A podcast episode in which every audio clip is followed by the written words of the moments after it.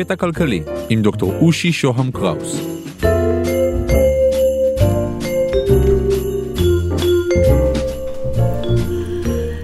קטע כלכלי, פרק 67, האם הקפיטליזם יהרוג את עצמו? האם לקפיטליזם של המדינה, המשטר הכלכלי שנהוג במאה האחרונה, יש עתיד? האם השוק החופשי ישרוד? ואם כן, האם יעטף בסביבה דמוקרטית? הרי השינויים בטכנולוגיה משנים את המבנים הישנים, והשאלה הגדולה היא, מה הולך להיות? בפרקים הבאים אציג את תפיסתו של הסוציולוג הכלכלי עמנואל ולרשטיין, כפי שפורסמה באחד הפרקים בספר, האם לקפיטליזם יש עתיד. הספר יצא לאור ב-2013. שלום, כאן דוקטור רושי שוהם קראוס, ואני מתחיל בשאלה. האם אנחנו חיים בעידן של שוק חופשי? התשובות על כך חלוקות, והחלוקה מתבצעת ביחס לתפיסות האידיאולוגיות של הפרשנים. אנשי שמאל כלכלי יטענו שהמדינה לא מתערבת מספיק, ואילו אנשי ימין כלכלי יטענו שהיא מתערבת יותר מדי. שני הצדדים יסכימו, ככה אני מאמין, שהקפיטליזם של ימינו שזור בשלטון המדינה. המדינה מתערבת, מטילה מיסים, אוכפת מכסים, מתקנת תקנות, שולטת בכמות המטבע במשק באמצעות בנק מרכזי, ועוד ועוד. לכן המבנה הזה מכונה בשם קפיטליזם של המדינה.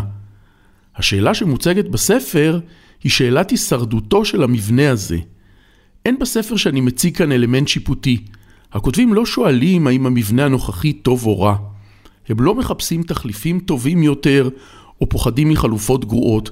הם פשוט מנסים לחשוב כיצד ייראה עתיד המערכת, וההוגה הראשון בספר, עמנואל ולרשטיין, חושב שהקפיטליזם ימצה את עצמו וייעלם. מה פירוש למצות את עצמך ולהיעלם? אולי הניסוח כאן לא מוצלח. אולי עדיף לכתוב משהו כמו למצות את עצמו ולהיעלם באופן מתבקש או טבעי. אחת הדרכים להסביר את הכוונה היא לדבר על מערכת מתפתחת, למשל על זרע של עץ, או אפילו אולי עליי. הזרע נזרע באדמה, הוא עבר משהו בתקופת היותו זרע. הגשם ירד, הוא ניזון, הוא צמח, והנה לפנינו עץ. מה קרה לזרע? הוא קיים? אולי הוא נעלם? ובכן, הזרע כבר לא קיים כזרע. האם הוא עץ? לא, זרע הוא לא עץ. אלה שני דברים שונים.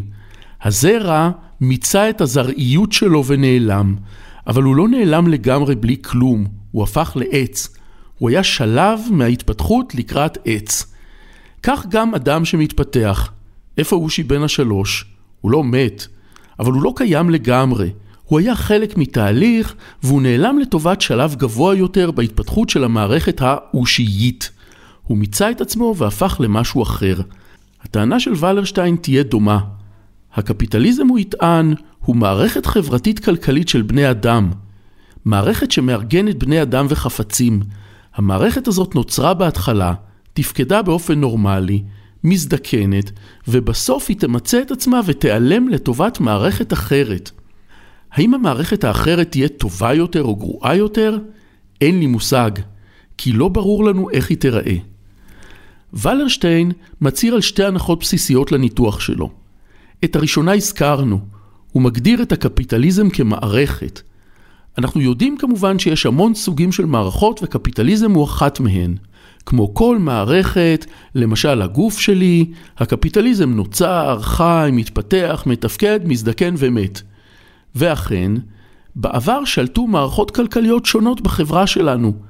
הן נוצרו, פעלו, הגיעו לשיאים, הזדקנו ונעלמו לטובת צורות ארגון אחרות. ההנחה השנייה תשאל, מה הופך משהו למערכת מובחנת?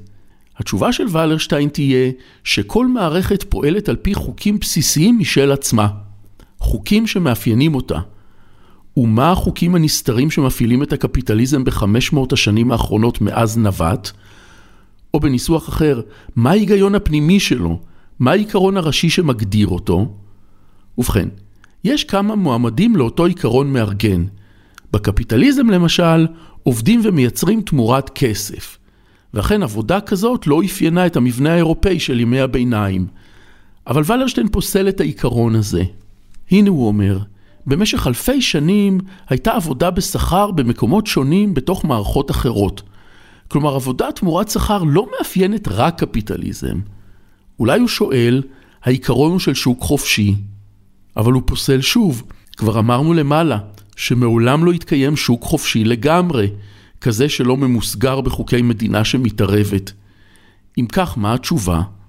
העיקרון הבסיסי שוולרשטיין מוצא הוא עיקרון צבירת הרווח האינסופית. צבירה אינסופית של הון, זהו המנוע של המערכת הקפיטליסטית, וזה מה שעומד בבסיס שלה. בואו נחשוב על יזם של ימינו. מה מפעיל אותו בתוך המערכת? הוא רוצה לייצר עסק כדי להרוויח כסף. הוא קונה בזול ומוכר במחיר יקר יותר. אז מה הוא עושה ברווחים שלו? הוא מנסה להשקיע את רוב מה שהרוויח בעסק הקודם בעסק חדש כדי להרוויח עוד. ומה הוא עושה ברווחים מהעסק השני?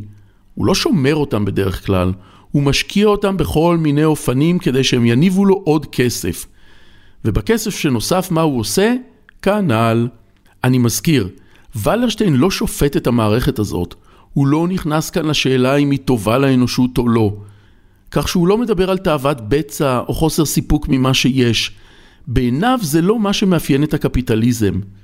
הנה, גם בתקופה שבה אנשים ראו בהגירת זהב וציע עושר היו תאבי בצע. גם בתקופות של שימוש בעבדים היו תאבי בצע. ההבדל הוא שכאן לא שומרים את הרווחים ומחביאים אותם בגושי זהב מתחת לאדמה, אלא זורקים אותם בחזרה למערכת כדי שיתרבו. ורוצים שהם יתרבו כדי שהם יתרבו עוד. ולכן ולרשטיין יגיד שבמערכת הזאת יש משהו לא סביר ולא הגיוני. כי היא לכאורה אמורה להתפתח לנצח. והבעיה היא שאין לה שום מטרה או תכלית הגיונית או מוסרית. מה שמניע אותה הוא גלגל אינסופי. זו מערכת שמתגלגלת לה עוד ועוד ועוד. אבל, ולרשטיין אומר, הרי כל מערכת נגמרת ונעלמת מתישהו. והקפיטליזם, איך הוא ימות? ובכן, הכיוון הכללי שאליו ילך ולרשטיין, יגיד שהוא ימות מוות טבעי, כשקפיטליסטים לא יוכלו להרוויח יותר.